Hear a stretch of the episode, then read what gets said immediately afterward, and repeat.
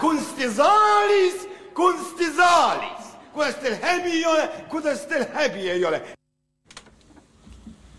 tere õhtust, kallid Ida raadio kuulajad oleme eetris saatega Vitamin K, täna on äh, seitseteist veebruar, kell on seitseteist null null ja minu kõrval istub äh, minu kaassaatejuht Siim Preimann. tšau, Siim! tšau, Lilian! tule mikrofonile lähemale. tšau, Lilian äh,! hästi läheb, ma äh, just mõtlesin, et äh, vist kaks kuud on möödas sellest ajast, kui me viimati koos mikrofoni taga istusime ja ma tunnen mingit niisugust sabinat isegi praegu nagu äh, mingit uut äh, või vana sellist äh, erutust. tõsi ta on, kaks äh, eelmist saadet on olnud meil eellindistatud, nimelt koostöö saatega Kunstiministeerium, mis on Klassikaraadios eetrisse minev saade. Ja täna siis on meil plaanis kaks intervjuud kunstnikega, kellel on Tallinnas näitused. Minul on külas äh, kunstnik Ede Raadik, kellel avanes äh, Tallinna Linnagaleris näitus ja Siimul on äh, külas äh, Eva Mustonen, kes äh, on praegu väljas Kumus oma teostega koos Mary Reid Kelly ja Edith Carsoniga. Ning eile oli Kumus ka muuseas väga lahe üritus sellesama näituse sees see oli feministliku kirjanduse õhtu. Ja ma läksin sinna sellepärast, et Piret Karro esines seal ja ta esines tõesti väga hästi, aga peaks mainima, et ma olin nii positiivselt üllatunud, kui lahe terve see õhtu oli ja kõik esinejad olid nii lahedad ja ma väga-väga ootan, et sellele tuleks ka mingi järg või kuskil neid äh, kirjanikke veel varsti näha, sest et ma sain tõelise inspiratsioonisüsti sellest mm.. ma olen ka äh, praegu töisel lainel, järgmisena avaneb mul äh, järgmine kuraatori projekt on Mihkel Ilus ja Paul Kuimet paaris. Ja siis olen ka päris palju äh, lugenud, kunstnikud saadavad virnade viisi raamatu pealkirju, millega kõik ennast kurssi peab viima ja ma olen ka mõelnud seda, et oleks lahe kuidagi, hästi, hästi palju vaata niisugust nagu kirjandust või seda taustamaterjali jääb tegelikult nagu näituse taha peitu või noh, need on nagu niisugused sisedokumendid või, või niisugused mingid asjad, mida me saadame nagu teineteisele, et kuidagi nagu inspireeruda koos, aga see ei ole võib-olla üldse see, mis nagu lõpuks ehm, noh, teosest nagu välja paistab, et siis ma olen ka mõelnud, et kuidas, kuidas nagu kuidagi publikuga neid äh, lugemisliste jagada mm, -hmm. aga praegu ma loen äh, Andrei Platonovi Gradovi linna ja mm, siin on äh, Eh, eessõna lõpeb eh, niimoodi, ma mõtlesin, ma tahan selle ette lugeda. palun väga. Eh, nimelt, Platonovi maailmakäsitlus on traagiline, mis oli muidugi vastuvõetamatu tolleaegsele ametlikult ette nähtud paraadlikkusele ja heleroosale optimismile. teda pani kannatama liiga õrna keha kohaldamatus maailma jäikusega, mis sunnib iga inimest, eriti aga kirjanikku, elu kaitseks välja astuma mm.. ma ei tea, kuidagi, kuidagi kutsub tagasi enda juurde see kumb kunstnik, kes sulle saatis selle eelmaterjalidena? Äh, see on, see on Mihkel Ilusa lugemisvara mm. -hmm. ja millal teil näitus avaneb? seitsmes märts, kui ma ei eksi. oo, juba? laupäevane brunch on mm. plaanis seekord, mitte reedeõhtune veinivine. kõlab äh, fabuloosselt aga siis kohe varsti annakski sõna meie saatekülalistele, esimesena ma siis intervjueerin Ede Raadikut ning saate teises pooles siis Siim, sina räägid Eeva Mustoneniga mm. -hmm. aga niikaua, kui me ennast siin stuudios valmis seame, siis äh, laseks ühe muusikapala teile äh,, autoriks on Alice Hagenburg ja teose nimi on Ghosts ja kuulame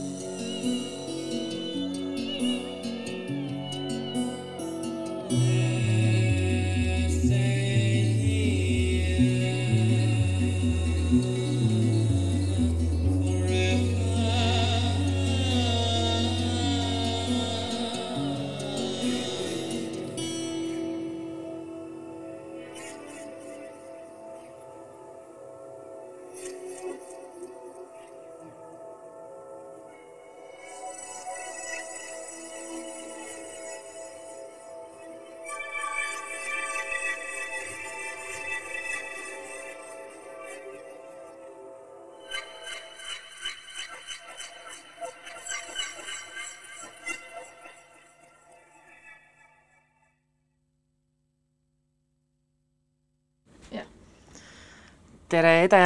tere!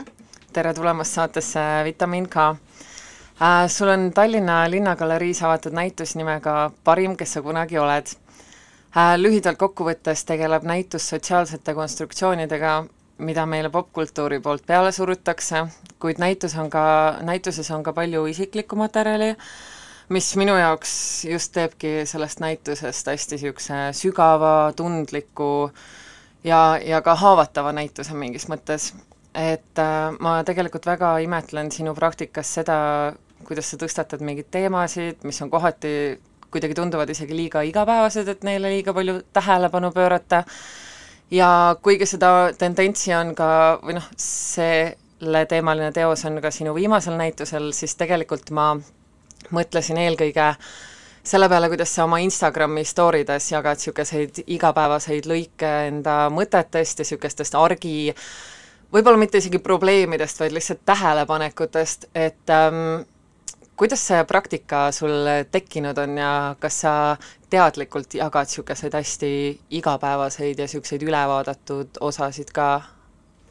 ma arvan, et see sõna, see haavatavus on väga õige ka selle näituse kohta ja ma ise tundsin näituste vahepeal nagu puudust sellest, et äh, publikuga suhelda uh. Mhm. -huh. et noh, mul on nagu mingid, nagu sa ütlesid, Instagramis on ju, ma saan jagada mingeid tähelepanekuid, mida, millest ma näitust ei hakka moodustama, on ju. ja mulle kuidagi sobis see formaat hästi, et ma saan hästi kiiresti midagi ka visuaalselt, noh, seal saab ka visuaali kasutada, on ju, ja teksti saab midagi kokku miksida ja kohe nagu jagada. ja ma olen ka hästi palju saanud tegelikult tagasisidet selle kohta uh, -huh. kui ta, just nagu sa ütlesid, et äh, nii huvitav on lugeda ka võõrastelt, et nad isegi tunnevad, et nad saavad võib-olla, nad ei tunne mind võib-olla, on ju, aga et nad saavad nagu nii palju infot ja natuke tunnevad ennast kuidagi süüdi et neil on nagu ligipääs mingile minu elule või mingile aspektile uh. -huh.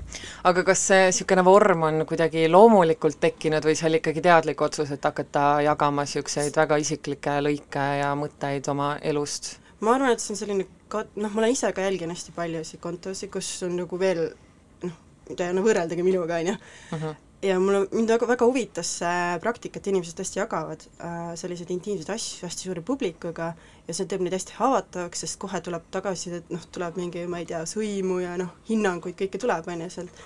ja no selles mõttes jah, ma hakkasin nagu teadlikult ka katsetama sellega, et äh, noh, kui ma liigun ringi, et kui et noh, kui ma nüüd seda näiteks jagan, et kas ma saan midagi tagasisidet või ei saa, ja kuna uh -huh. ma olen saanud piisavalt tagasisidet, siis ma olen seda jätkanud uh. Mhm. -huh. Mm äh, minu meelest äh, ma kuidagi iseenda puhul tunnen, et äh, ma ise ka taastoodan neid sotsiaalseid norme, millest sa oma näituse kontekstis äh, räägid, mis on kohati problemaatiline ja mida me nagu kunstnikena kritiseerime, aga samas justkui nagu ise tegelikult teeme ka selle järgi.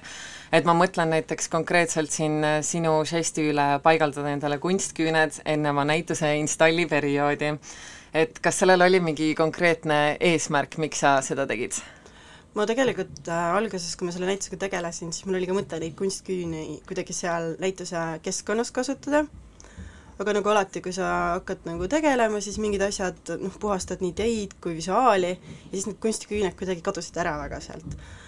aga mind väga huvitavad sellised nagu ilupraktikad mm, ja see on teine kord, kui ma kunstiküüned panin. ja selles mõttes jaa, see oli teadlik ja ma kõik kaotasin need küüned pea, peaaegu kõik küüned kaotasin installeerimise uh. -huh. ja jõudsin ise ka järeldusele, et äh, need ei ole väga praktilised, et need ei ole mõeldud inimestele, kes tõesti nagu töötavad oma kätega uh. -huh. et selles mõttes jaa, see oli, noh, ma teadvustan endale seda uh. -huh.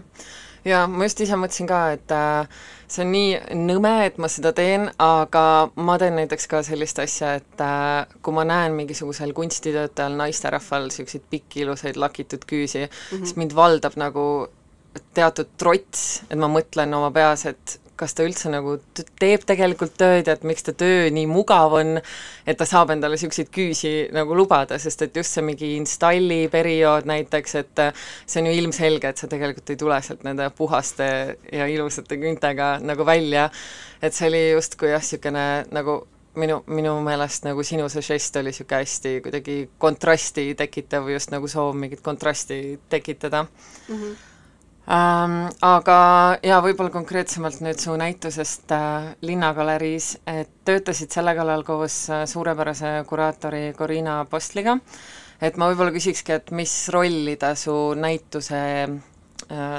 tegemisel mängis? ta on tõesti väga suurepärane ja kindlasti see näitus ei oleks selline, nagu ta on, kui ma oleks sellega üksi tegelenud, et noh, selles mõttes tal on väga suur osa et ma läksin tema juurde oma algsete ideedega, et no mu esimene idee oli see Gilletti reklaam, see oli nagu see, millest alguse sai, ja siis noh, selles mõttes see oli selline dialoog ikkagi, mina pakkusin midagi, tema ütles, et aa, aga tee äkki nii, ja kindlasti ta julgustas ka mind mõtlema võib-olla suuremalt natukene ja julgemalt uh. -huh. et ikkagi nagu kuidagi see algselt noh, kuidagi väikselt mõtled, et teed mingeid pisikesi asju ja noh, selles mõttes, et ta oli noh, väga õpetlik oli muidugi töötada koos, äh, ma ei ole varem nagu tiimiga niimoodi töötanud uh, -huh. et äh, selles mõttes, ja need ka see, mm, et need reklaamid näitusel on, see on ka tema soovitus mm. -hmm jaa mm,, jah, siinkohal tõesti tuleb au anda Corinale ja kunstihoonele, kes ta võttis endale tiimi mm, -hmm. sest et mulle tundub, et ta tõesti toob niisugust uut tuult kuidagi Eesti kunsti konteksti ka ja tajub kuidagi kõike hoopis teise ja võib-olla kohati isegi julgema pilguga ja nagu tõstatab mingeid teemasid, mis võib-olla seni nagu ei ole nii tõstatatud olnud et, et jaa, tervitus Corinale, kes tegelikult eesti keelt ei räägi. Vaata, õpib eesti keelt. aa, no ja siis varsti tuleb ta mulle äkki saatesse. Aga üks läbiv narratiiv näitusel on reklaamide ja hügieenivahendite mõju meie kujutluspildile normaalsusest, headusest või noh, heaks nagu selles mõttes kuidagi olemisest äh, ja vähemalt seda on näituse tekstis rõhutatud et kuigi feministliku kunstnikuna puudutad sa eelkõige naiseks olemise temaatikat, siis mulle väga meeldis, kuidas sa olid näituses, sa olid toonud lisaks naiste jalaranžeerimisvahu teostele ka meestele suunatud ranžeerimisvahendi temaatikat, just see Gilletti reklaamid, millest sa rääkisid mm. -hmm. et nendest pärineb ilmselt ka selle näituse pealkiri? jaa, just, see on nagu see sõnamäng sellega mm. -hmm Need kaks Gilletti videot olid minu meelest üks humoorikamaid teoseid seal näitusel, et kus siis oli kõrvutatud üks vanem Gilletti reklaam, kas see oli kaheksakümnendatest pärit? kaheksakümmend üheksa oli see mm. -hmm. ja siis üks vist kaks tuhat seitseteist või kaks tuhat üheksateist, vabandust, siis algus. kõige uuem. jaa, et äh, uusimas reklaamis müüakse mehele habemajamisvahendit, aga läbi ülispetsiifilise ideoloogia, mis on siis see, et mees kui iseenda patriarhaalsusest teadlik olev, naiste õiguste eest seisev, seksuaalvähemusi toetav, naisi kuidagi empowering karakter, et otseselt oli Gilletti reklaamis viidatud Me Too liikumisele näiteks. Äh,, mispeale ma muuseas guugeldasin seda Gilletti nagu brändi äh, ja ma sain teada Vikipeediast sellise asja, et äh, paremäärmuslikud grupid hakkasid Gilletti süüdistama vasemavaateliste propaganda levitamises peale seda reklaami. et võib-olla sa räägid natukene sellest äh, teosest ja mis rolli see seal näitusel mängib?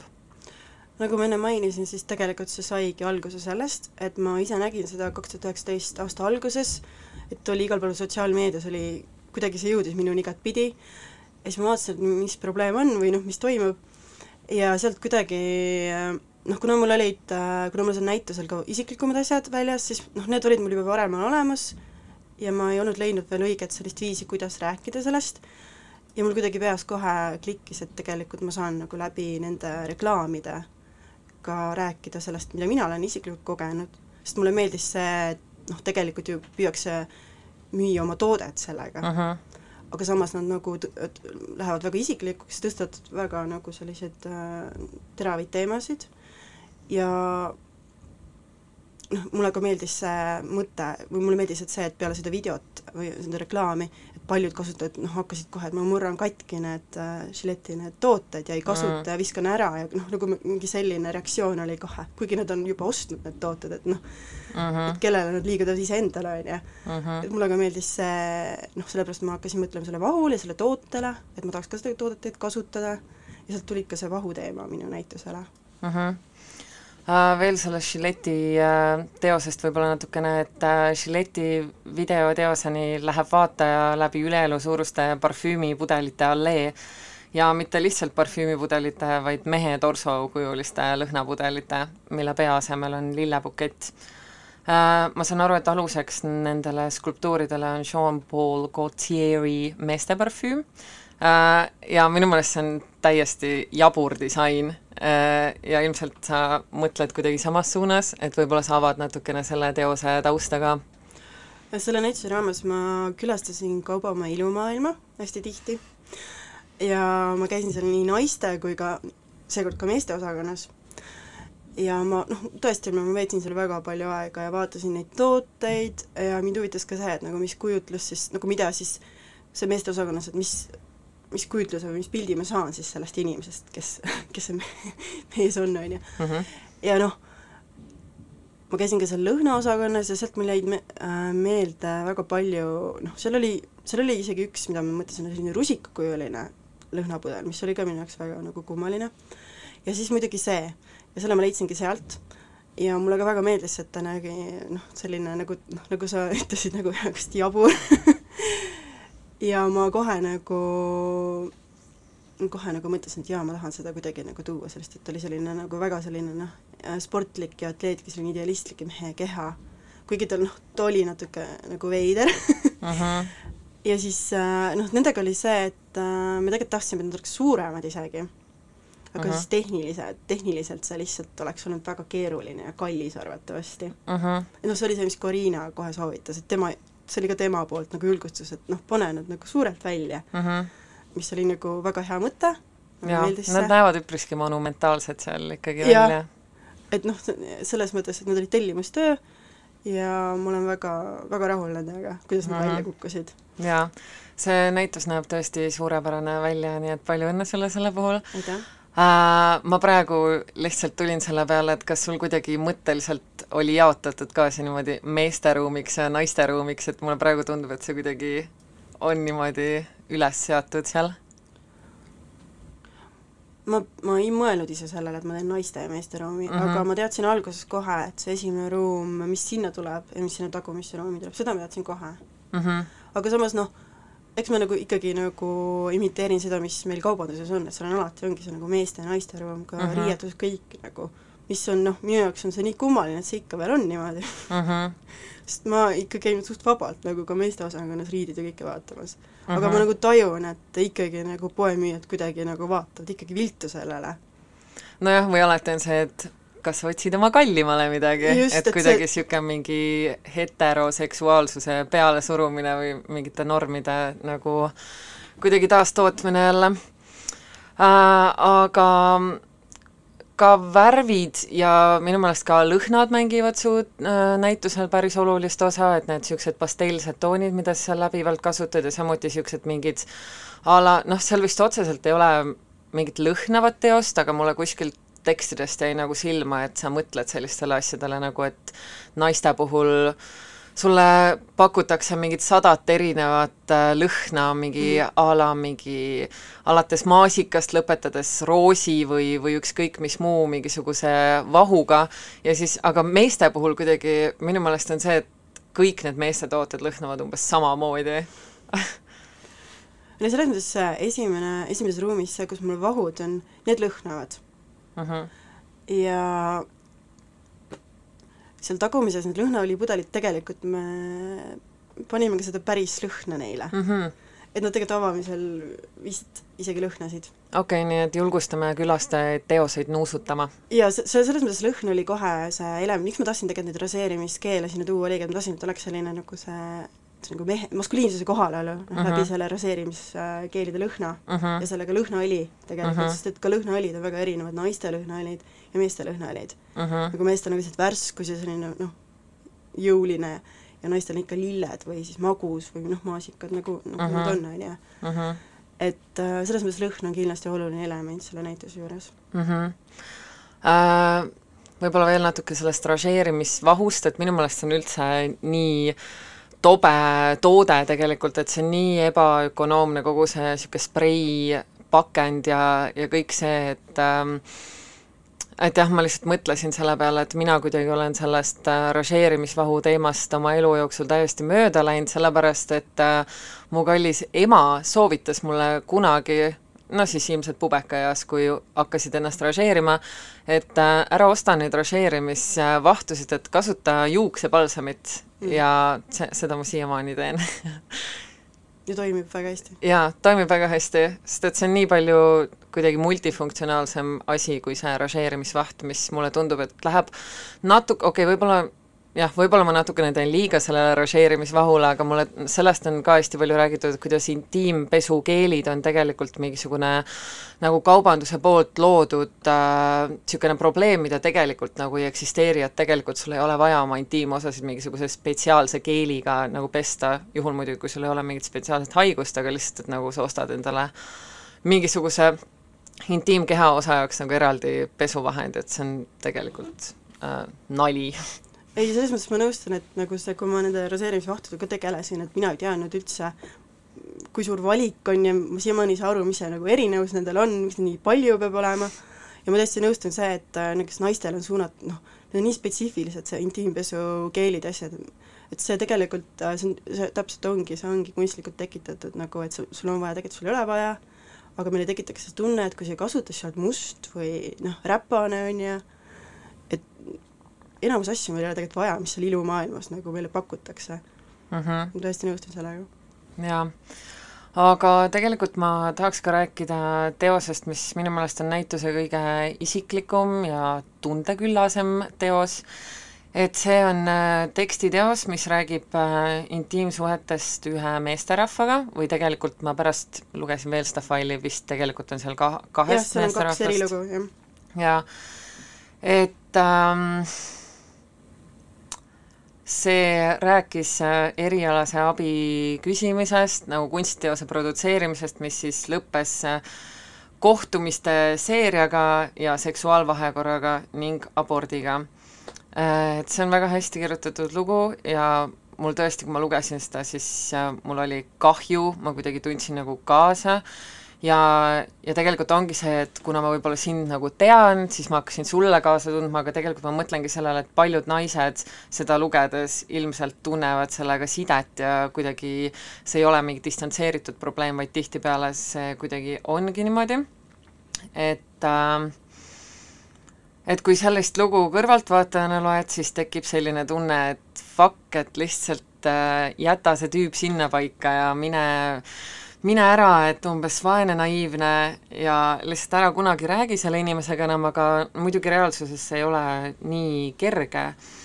Et äh, ma mõtlengi, et äh, sina ilmselt oled ka isiklikus plaanis sellist asja enam-vähem kogenud, et kas sul on, ja kuna sa oled seda teemat niimoodi lahanud äh,, siis äh, ma mõtlesin, et ma küsin, et äkki sul on mõndasid niisuguseid äh, soovitusi või nippe, et kuidas äh, naisterahvas saaks sellist olukorda no võib-olla mitte vältida, aga just, et kuidas sellest olukorrast nagu välja tulla, kui on mingi niisugune passiiv ahistav tüüp nii-öelda kes alguses isegi ei tundu, et ta on ahistaja, aga pärast nagu pärast mingit protsessi saad aru, et võib-olla see ei olnud päris okei okay,, kuidas see käitus, võib-olla ta vägistas sind ilma sinu teadmata ja nii edasi. ma lihtsalt kommentaariks ütlen, et äh, tegelikult juba avamisel ma sain tagasisidet, et äh, üks tuttav ütles, et aa, et mul on üks sõber, kes põhimõtteliselt on enam-vähem sama asja kogenud mis mind tegelikult üldse ei üllata, sellepärast et äh, kui ma olen nagu rääkinud nende inimestega, näiteks nõustajatega või siis ka õigus, õigusabi andjatega, siis tegelikult see on ülitüüpiline uh,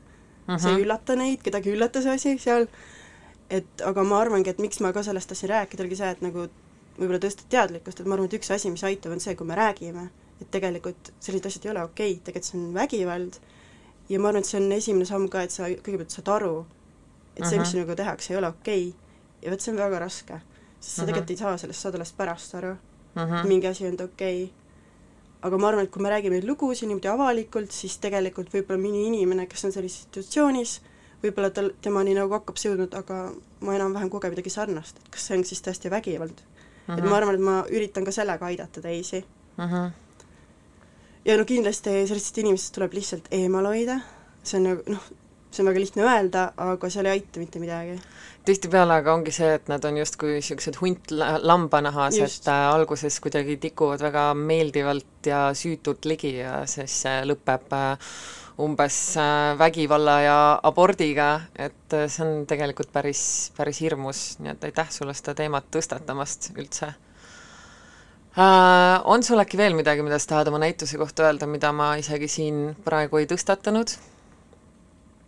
Aa, meil on tulemas ka vestlusõhtu mm. märtsis mm, -hmm. kus me siis kutsume, noh, ma tegelikult, ma praegu võib-olla ei hakka ütlema, aga no meil ütle ikka see ei ole veel paigas, aga me tahame just teha selle, sama selle vägivalla teemal nagu diskussiooniõhtu mm. -hmm. just, et kutsuda erialaspetsialiste, kes räägiks oma kogemustest mm, -hmm. et see asi on meil plaanis ja meil on ka plaanis, kus me Corinaga räägime siis näitusest mm. -hmm. see on vist järgmine nädal.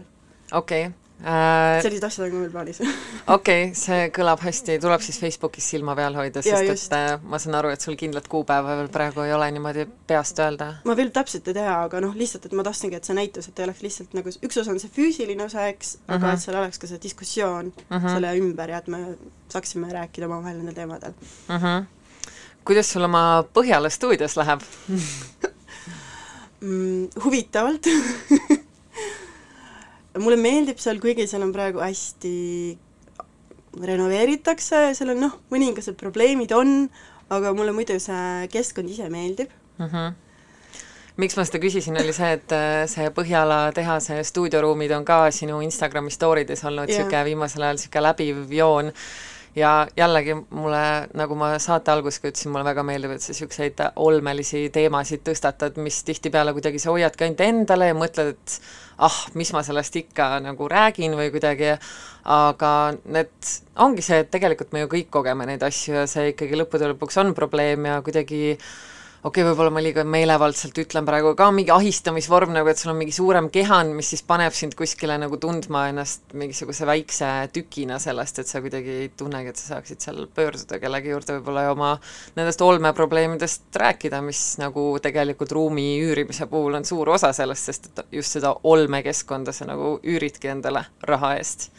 Ei, ma arvan küll, et see tegelikult see teema on väga oluline, need tingimused, kus me üldse nagu kunsti loome et noh, üks asi on see, et see näitus on ju, kõik on ilus, tore, aga et noh, ma arvangi, et võib-olla nende selliste kunstilinnakute ja sellistega ongi hästi palju probleeme selles suhtes, et äh, neil on vast idealistlikud tihti mm, -hmm. aga võib-olla need äh, noh, sellise praktiline külg, et tõesti, et minul loominimesena on seal hea olla, hea töötada, et võib-olla nagu see pool tiht-, noh, tihti jääb tagaplaanile mm. -hmm. ma olen täitsa nõus. Et sellest peab kindlasti rääkima, et ka nagu kunstnikud ise oleksid aktiivsemad rohkem, et nad teaksid oma õigusi ja mm -hmm.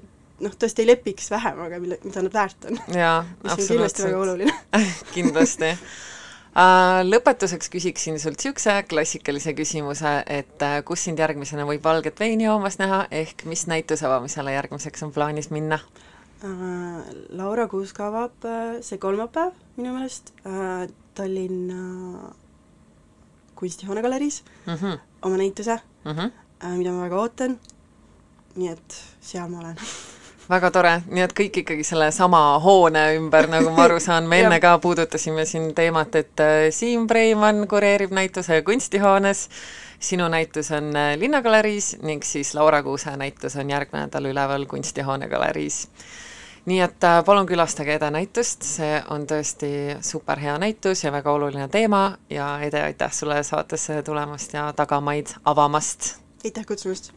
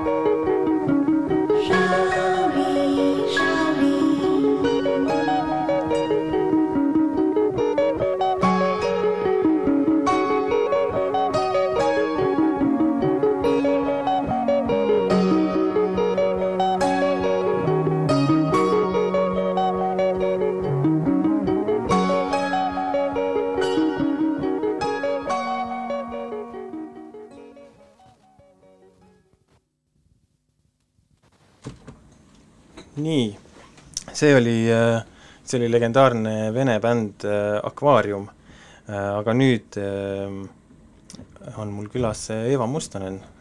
tere! tšau, Eeva! mul on niisugune tunne, et ähm, kutsusin sind juba nii ammu siia saatesse, et me oleme nagu Tõsi. haudunud seda kuldmuna mingi kaks kuud, oodanud, millal me lõpuks saame maha istuda, kõik need jutud rääkida, ja meil on olnud ka varem niimoodi juhuslikult kuskil äh, Äh, tänavakivi peal või äh, puu all toredaid äh, jutuajamisi, et see on nagu niisugune avalik järg siis nendele varasematele muljetamistele. Ähm, ma tahaks niimoodi, et paneme nagu baasasjad paika, et ma tahaks kõigepealt küsida sinu õppetee kohta Äh, sa oled, nojah, jah, sest, äh, sest sa oled, sa oled õppinud nii tekstiilikunsti, skulptuuri kui ka semiootikat ja mind nagu huvitab lihtsalt natuke see, et mis tuli enne ja mis tuli pärast, et kuidas see, kuidas see um,, kuidas need jupid omavahel kokku sobivad? see vist äh, käis niimoodi, et ma kõigepealt proovisin tekstiili saada kõrgemasse kunstikooli, EKA-sse proovisin moodi ka sealt tuli enne vastus, et ma ei saanud ja samal ajal ma proovisin ka semiot-, semiootikasse ülikooli ja ma sain äh, ülikoolist enne vastuse kui kõrgemast ja siis, siis ma sain nagu aru, et tegelikult ma ei taha raamatuid puurima minna, et ma tahaks kindlasti midagi kätega tegema, ma olin täitsa mures mm. -hmm. ja siis tuli kõrgemast kunstikoolist õnneks ka jaatav vastus, et ma sain sisse, siis ma olin nagu jess. jah ja, ja siis said mõlemat õppima mõneks ajaks? Äh, no ja siis ma õppisin äh, tekstiili kõrgemas Äh, neli aastat olin ära ja siis ma sain aru, et ma rohkem vist tahan nagu kunstiasjadega tegeleda, aga ma tahtsin tekstiilikunsti ikkagi veel nagu spetsiifiliselt, et äh, siis ma läksin äh, Rootsi edasi õppima, sest Eestis saab pigem nagu tekstiilidisaini. Ja kui ma sealt tagasi tulin, siis mul on päris palju kas just päris palju, aga nii mõnigi tuttav, kes oli seal semiootikas otsapidi, ja nagu Tartus oli üldse nagu niisugune tunne, et, et no ma ei tea, mis kunstnik sa oled, kui sa nagu semiootikast eriti midagi ei tea. Siis, siis mingi hetk ma leidsin ennast jälle ülikoolist ja siis see oli nagu, aga see oli tore ka, sest see oligi nagu niivõrd äh, teine ala ikkagi ja, ja ja ma olin just parasjagu juba vanem, et ma nagu julgesin igasuguseid lolle küsimusi küsida nagu loengus, kui ma ei saanud aru mm. -hmm. et äh, ma olin natuke, ma olin see teise ringi tudeng, et kõik ülejäänud olid äh, enamuses ikkagi samuti värskelt tulnud keskkoolist ja lihtsalt pigem tegid seda tarka nägu, et saavad mm -hmm. kõigest aru, aga mm -hmm. siis ma sain olla see, miks nii ma mäletan alati kadestasin neid teise ringi tudengeid, et, et mingi niisugune enesekindel platvorm või niisugune vibe, mille pealt nagu no, ma ise nokkida. kohe ära, et ma olen nüüd nagu loll ja ei saa aru, siis tulebki küsida um, üle-eelmisel aastal oli sul äh, vähemalt kaks näitust, kus siis tegelesid äh, ühel või teisel moel teksti-, Eesti tekstiilikunsti ajalooga. et üks mm. oli äh, grupinäitus omavahel oskustest EKKM-is mm. ja teine oli soolokas ämbliknaine Tartus Kogo galeriis mm. -hmm. et kui esimese puhul on see, oli see nagu niisugune oligi kogu selle näituse point, see oli nagu kuraatorite võte, võtta keegi noor ja panna ta dialoogi äh, Äh, mõne meistriga, äh, sinu puhul siis äh, said ähm, reageerida Leesi ERM-i loominguga, loomingule mm. -hmm. siis teisel juhul ma mäletan, et et, et see oli justkui nagu protsess, kus sa ähm, see oli vist su koolitööga seotud tegelikult kogu see uurimustöö, kus sa otsisid nagu tuge või, või teadmist varasematelt praktiseerijatelt selle nagu valdkonna kohta et ähm, ma lihtsalt, ma nüüd muidugi olen nagu jäme, aga ma lihtsalt mõtlen seda, et noh, et et noorena sa võiksid olla nagu põikpäine ja kuidagi mõelda, et ah, suva, ma teen, ma teen, kuidas ma teen, nagu aga et sa ikkagi, sina oled nagu valinud selle, et sa, sinu praktika on nagu tugevalt dialoogis äh, eelkäijatega, et äh, mis see sulle annab või, või kuidas sa nagu mõtled selle peale, nende eelkäijate peale uh,? Ma arvan, et ma olen lihtsalt selline äh, küllaltki nagu see tubli tüdruk olnud alati. ma ei, ma ei ole tegelikult, et ma läheks nüüd niisugune äh,, et kes lööb jala ukse, ukse jalaga maha ja või noh, teen nagu hullult nagu põikpäiselt enda asja. et ma kindlasti ka teen, aga nagu e esiotsa on nagu ma kogu aeg ikka vaatan, mis on nagu enne tehtud. ja, ja mida noorem ma olin, seda, seda suurem see, see tung oli, et et see ämbliknaise näitus oligi niisugune küllaltki nostalgiline tagasivaade siis, kui ma käisin seal kõrgemas kunstikoolis ja Rootsis ja olin täiesti veendunud, et noh, et kui ma tahan kunsti teha, siis ma pean hakkama vaipu kuduma. Ja siis sa lihtsalt vaatad ringi ja nagu seal kogu aeg tekivad mingisugused äh, konfliktid kergesti, noh, kedagi nagu ei huvita, et noh, et või no selles mõttes, et see on nagu, mitte et kedagi ei huvita, et aga seda, see huvitab nagu päris noh, kitsast ringkonda, et äh, ja ma olin juba, nagu vaatasin ka, mis kaasaegses kunstis toimus, siis nagu noh, et seal ei ole nagu mingi, et ikkagi on veel, äh, endiselt on see tarbekunst ja kaasaegne kunst ja nagu noh, see on küllaltki ranged lahterdused ikkagi, et see üleminek ühte või teise ei ole nagu nii loomulik.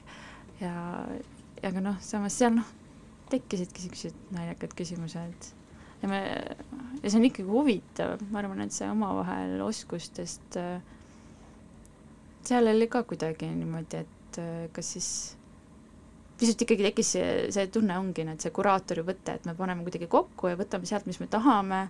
Ja ma arvan, et äh, et mis siis nagu võib-olla tarbekunstnike vanema generatsioonil on umbes, aga see on ju, ma ei tea, noh, nii loomulik või alati olemas olnud mm, -hmm. et mhm. kuidas te nüüd jälle uuesti avastate midagi -hmm. mis on mhm. kogu aeg olnud mm, -hmm. et vaata, nagu selline mõlemat pidi niisugune huvitavad see on nagu niisugune viljakas võhiklikkus.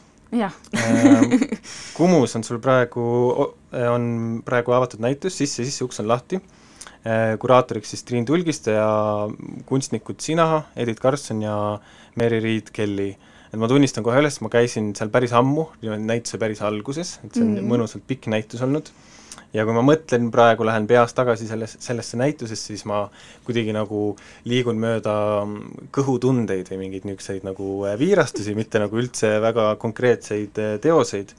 ja ma jäin mõtlema, et aga milline näituse külastaja sina oled, et kas sa oled niisugune tüüp, kes korjab no iga paberileht, mis on jagamiseks, korjad kaasa ja nii edasi ja siis loed veel hiljem peale ja süvened juurde, niisugune tõeline nagu muster äh, süveneja või pigem ka niisugune kõhutundega, et jalutad läbi ja vaatad, missugused, ma ei tea, hoovused või kombitsad sinust nagu kinni haaravad ma just kellegagi rääkisin alles hiljuti sellest, et milline vastik niisugune äh, professionaalne mugavus mingi hetk tuleb, nii-öelda professionaalne, et kui sa et, äh, mingi hetk oled, tundub, et küllastumuseni juba vaatanud igast näituseid, siis sa hakkad juba ette lahterdama, et ah, seal on mingi niisugune või niisugune asi ja kas see mind huvitab või ei huvita.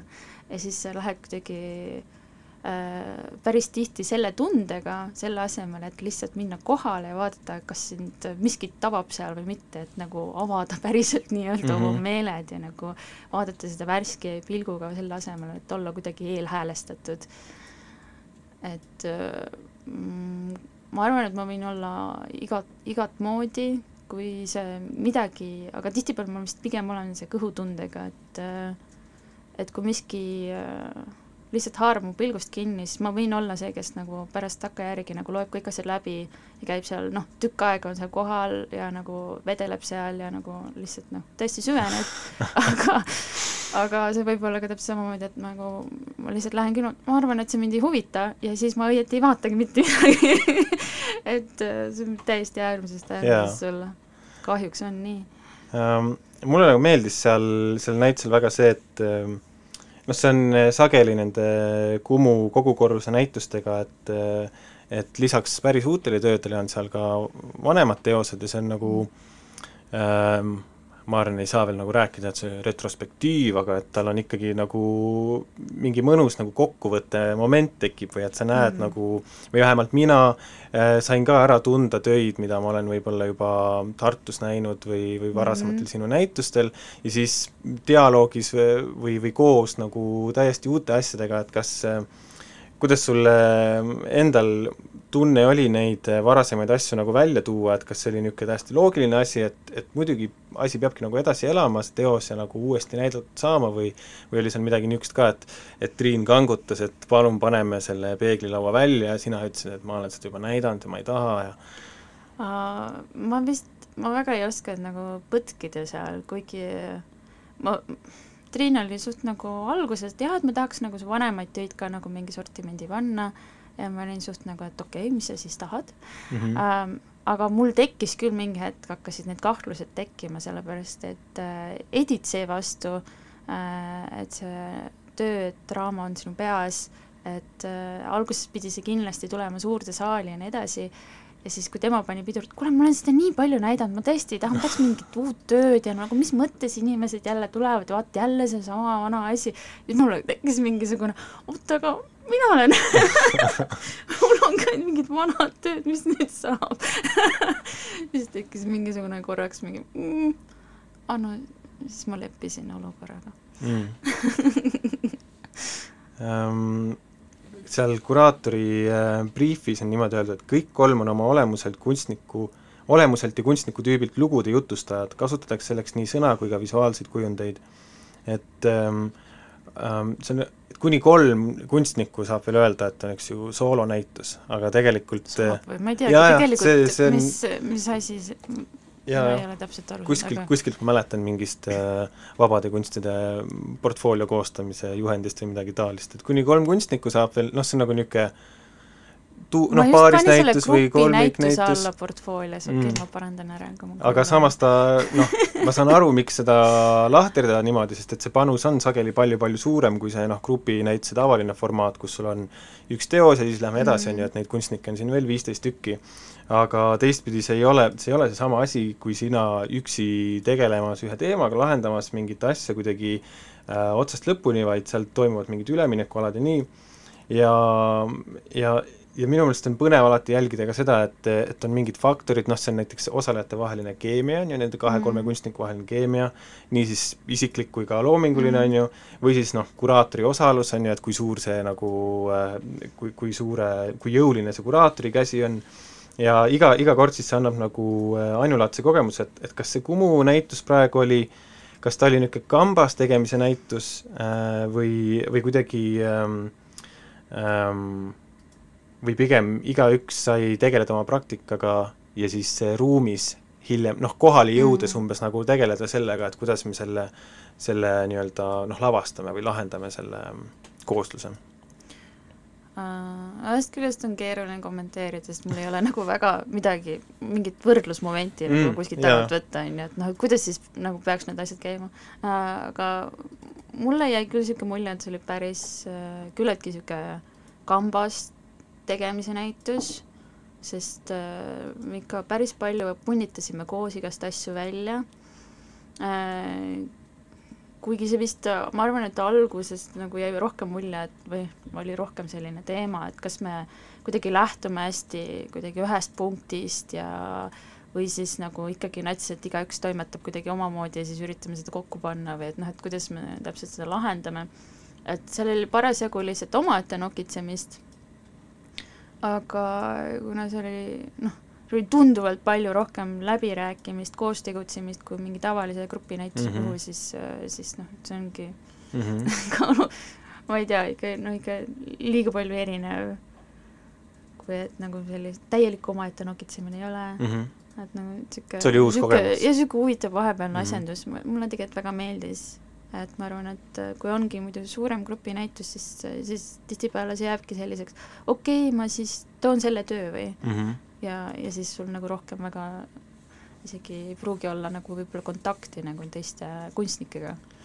mulle, ma arvan, et isegi see, et kui oleks omaette nokitsenud ja ruumi tulnud, et see ei ole, see ei ole kuidagi nii, et üks on nagu parem viis sellist näitust teha ja teine, teine halvem, sest mul vahel nagu pigem kui, kui ise olen töötanud nagu näiteks kunstnikupaariga, on ju, kes noh, mitte et nad on üks, üksuskunstnikupaar, vaid on kaks eraldiseisvat kunstnikku, et siis tegelikult äh, mingis mõttes isegi võiks nagu noh, tuletan nagu nende vestluste jooksul ka nagu meelde seda, et saate aru, et see loogika, miks me üldse siin koos oleme see loogika tuleneb juba kogu varasemast praktikast, et seal on mingisugused mm. nagu resoneerumised, mis mm. nagu, et te võite peaaegu teha ükskõik mida, sest kui te mm. teete nagu edasi endale truuks jäädes, siis see, siis see mängib kokku, et siin mm. ei pea, mm. et mõnikord tekib nagu see moment, et ei, nüüd ma pean, ma pean hullult teadma, mis ta nagu teeb, et saada mulle oma need kavandid mm. ja saada mulle kõik need mm. asjad, on ju, kuigi tegelikult nagu see kooslus ei ole noh, ta, ta juba nagu jah, ta eksisteerib juba, juba ette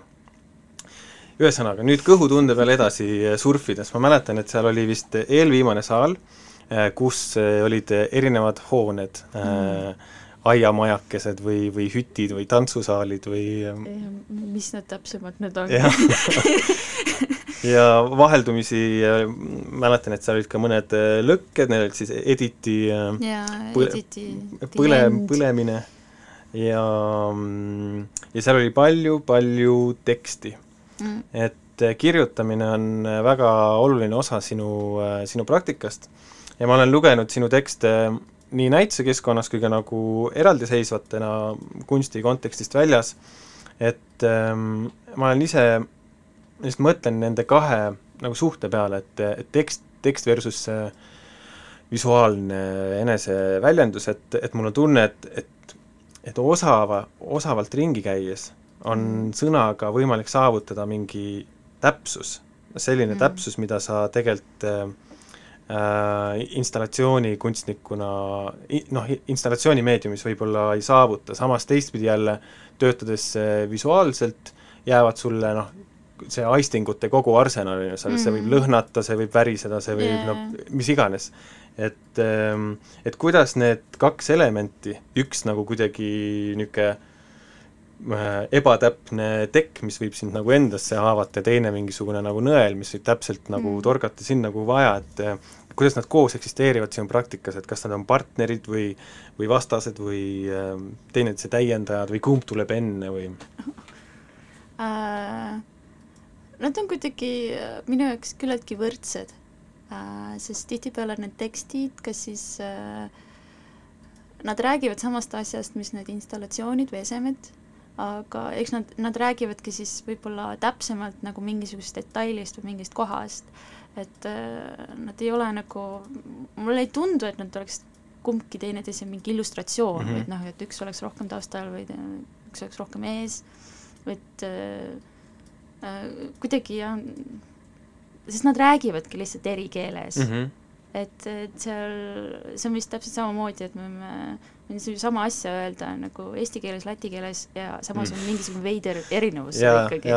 et nagu just selles keele kontekstis endas juba, et äh, mulle ei tundu, et nad nagu kordaksid üksteist, sellepärast mul ongi see vajadus äh, arvatavasti, see lihtsalt väljendabki seda, et mulle meeldib vahepeal natukene noh, installatsioonis sa saadki nagu intuitiivsemalt kuidagi nii-öelda hullu panna, aga vahepeal mul on nagu see vajadus, et nagu vaata just seda ja mõtle just sellest, et nagu kuidagi natuke dikteerida Mm. ette isegi nagu äh, lugejale, et mis ta siis seal nagu, kuhu ta oma tähelepanu peab suunama ja tekst nagu võimaldab seda nagu paremini. Mhm. et sa saad kuidagi, kuigi need on ka küllaltki poeetilised arvatavasti ja natuke hämused mul vahepeal, et äh, ei tea ka. mis on selle, see on selles mõttes nagu niisugune äh, tänuväärne osa, sest et ma olen ise ka tähele pannud, et ah, noh, anna mulle mingi tekstijupp ja, ja kuidagi väga keerulises olukorras see võib osutuda nagu mingisuguseks päästerõngaks, et, et mõnikord mul on olnud küll niisuguseid olukordi, kus kunstnik äh, seisab oma abstraktse töö eest ja ütleb, et no aga noh, tegelikult publik teab, mida ma nagu mõtlesin. Siis sa mõtled, et no tegelikult ei tea et see, et see kuidagi ja see ongi noh, see on selle asja võlu, noh, see nagu ebaefektiivsus nagu täpse vahendina on tegelikult ju selle mm. asja võlu mm. äh,. Äh, kas siis kirjutamine on sinu jaoks äh, nauditav kogemus? eks seal ole omajagu piin, aga, aga mm. see on tihtipeale siis, kui ma hakkan midagi üle kirjutama, aga tihti, enamasti ma kirjutan ikkagi pigem mingisuguse, mingi palang tuleb peale ja siis paned midagi mm -hmm. niimoodi, niisugune purtsatus ja siis ta juba enam-vähem niisugune ongi ja siis on lihtsalt pigem see, et ei tea, kas see nüüd on üldse midagi või ei ole, siis peab testima teiste inimeste peal kas lugemine ja logelemine on ka osa kirjutamise protsessist äh, lugemine kindlasti, lugelemine on üleüldiselt loomingu osa, ma arvan mm. -hmm. Mina, tundub, et hästi palju minu kirjutamist võtab aset nagu passiivselt, kuidagi nagu seedides ja, ja, mul on tunne, alati tunne, et see tuleb hästi raskelt mm. ja mul kõige raskemalt tuleb see e-, esimese see lihtsalt see mehaaniline värk, et sa pead need esimesed sõnad paberi peale saama mm., sa pead need halvad laused välja saama okay.. et siis, kui sul on juba nagu tekst ees, mida sa saad hakata vaata nagu järjest läbi riisuma mm. niimoodi, et sul tegelikult on seal juba nagu mingi noh, mingi materjal käes, sa saad sõnu tõsta edasi-tagasi mm. ja kuidagi nagu, et siis läheb nagu asi käima, kuidagi see esimene on täpselt mingi noh, see on nagu noh, see on nagu, ma ei tea, ma ei tea, noh, nagu mingi tüütu füüsiline töö, et ta tundub nagu, sest et noh, sa peas juba tead ja siis sul on vaja lihtsalt teha läbi nagu see mehaaniline mm. aga noh, okei okay,, kirjutamisest ma pean selle, sellest, sellest rääkima, sest et Värskes Rõhus lugesin siis kunagi sinu tekste, me oleme sellest varem ka rääkinud mm., kus sa siis äh, kirjeldad seda seika, kus sa ostad äh, puitmaterjali ehituse abc-st ja sul on vaja jõuda nendega Raja tänava stuudiosse ja siis kuidas sa lähed jala ja võib-olla oli ilm halb, ma nii täpselt enam ei mäleta, lõpuks sa lähed bussi peale nendega. ja ma ei läinud ei bussi peale Aa, siis ma läksingi et- jala, sest aa, bussi okei. peale ei mahtunud, see buss oli triik inimesi täis ja ma ei mahtunud sinna oma laudadega mm. ja siis ma tassisin need õla peal. sest eh, mi- mina olen ka kunagi, mul on olnud see faas, kus ma teen asju samamoodi, sest et bussiga, sest et kuidagi muud moodi ei ole võimalik teha või nagu jala, Mm. et ähm, kas ähm, kas sa teed selliseid asju veel edasi? jah, ikka, eile ma just tulin Kumus selle küllaltki suure kimchi potiga ja siis veel suure hunniku tavaariga, mis oli käru peale kuidagi pandud ja siis ma trammipeatuses palusin, et tuleks see madalapõhjaline tramm, loomulikult Mhm. ei tulnud mm. -hmm. mis tähendas, et ma pidin seal kuidagi kahes osas kuidagi trammi peale tõstma ja siis piisavalt kiiresti, enne kui vaata uksed lähevad kinni ja no ikka täpselt sama jama ja siis nagu terve tee, siis nagu nii, kui ma nüüd Koplasse jõuan, siis aa, oota nüüd ta peatub nagu, nagu lühemat aega, et kuidas ma siis nagu saan nüüd niimoodi, oota ma viskan kotti enne ja siis ma saan seal kuidagi nagu, nagu planeerida ikkagi nagu mingi niisugust no niisugune näiteks Mhm. rumal asi nagu Mm -hmm.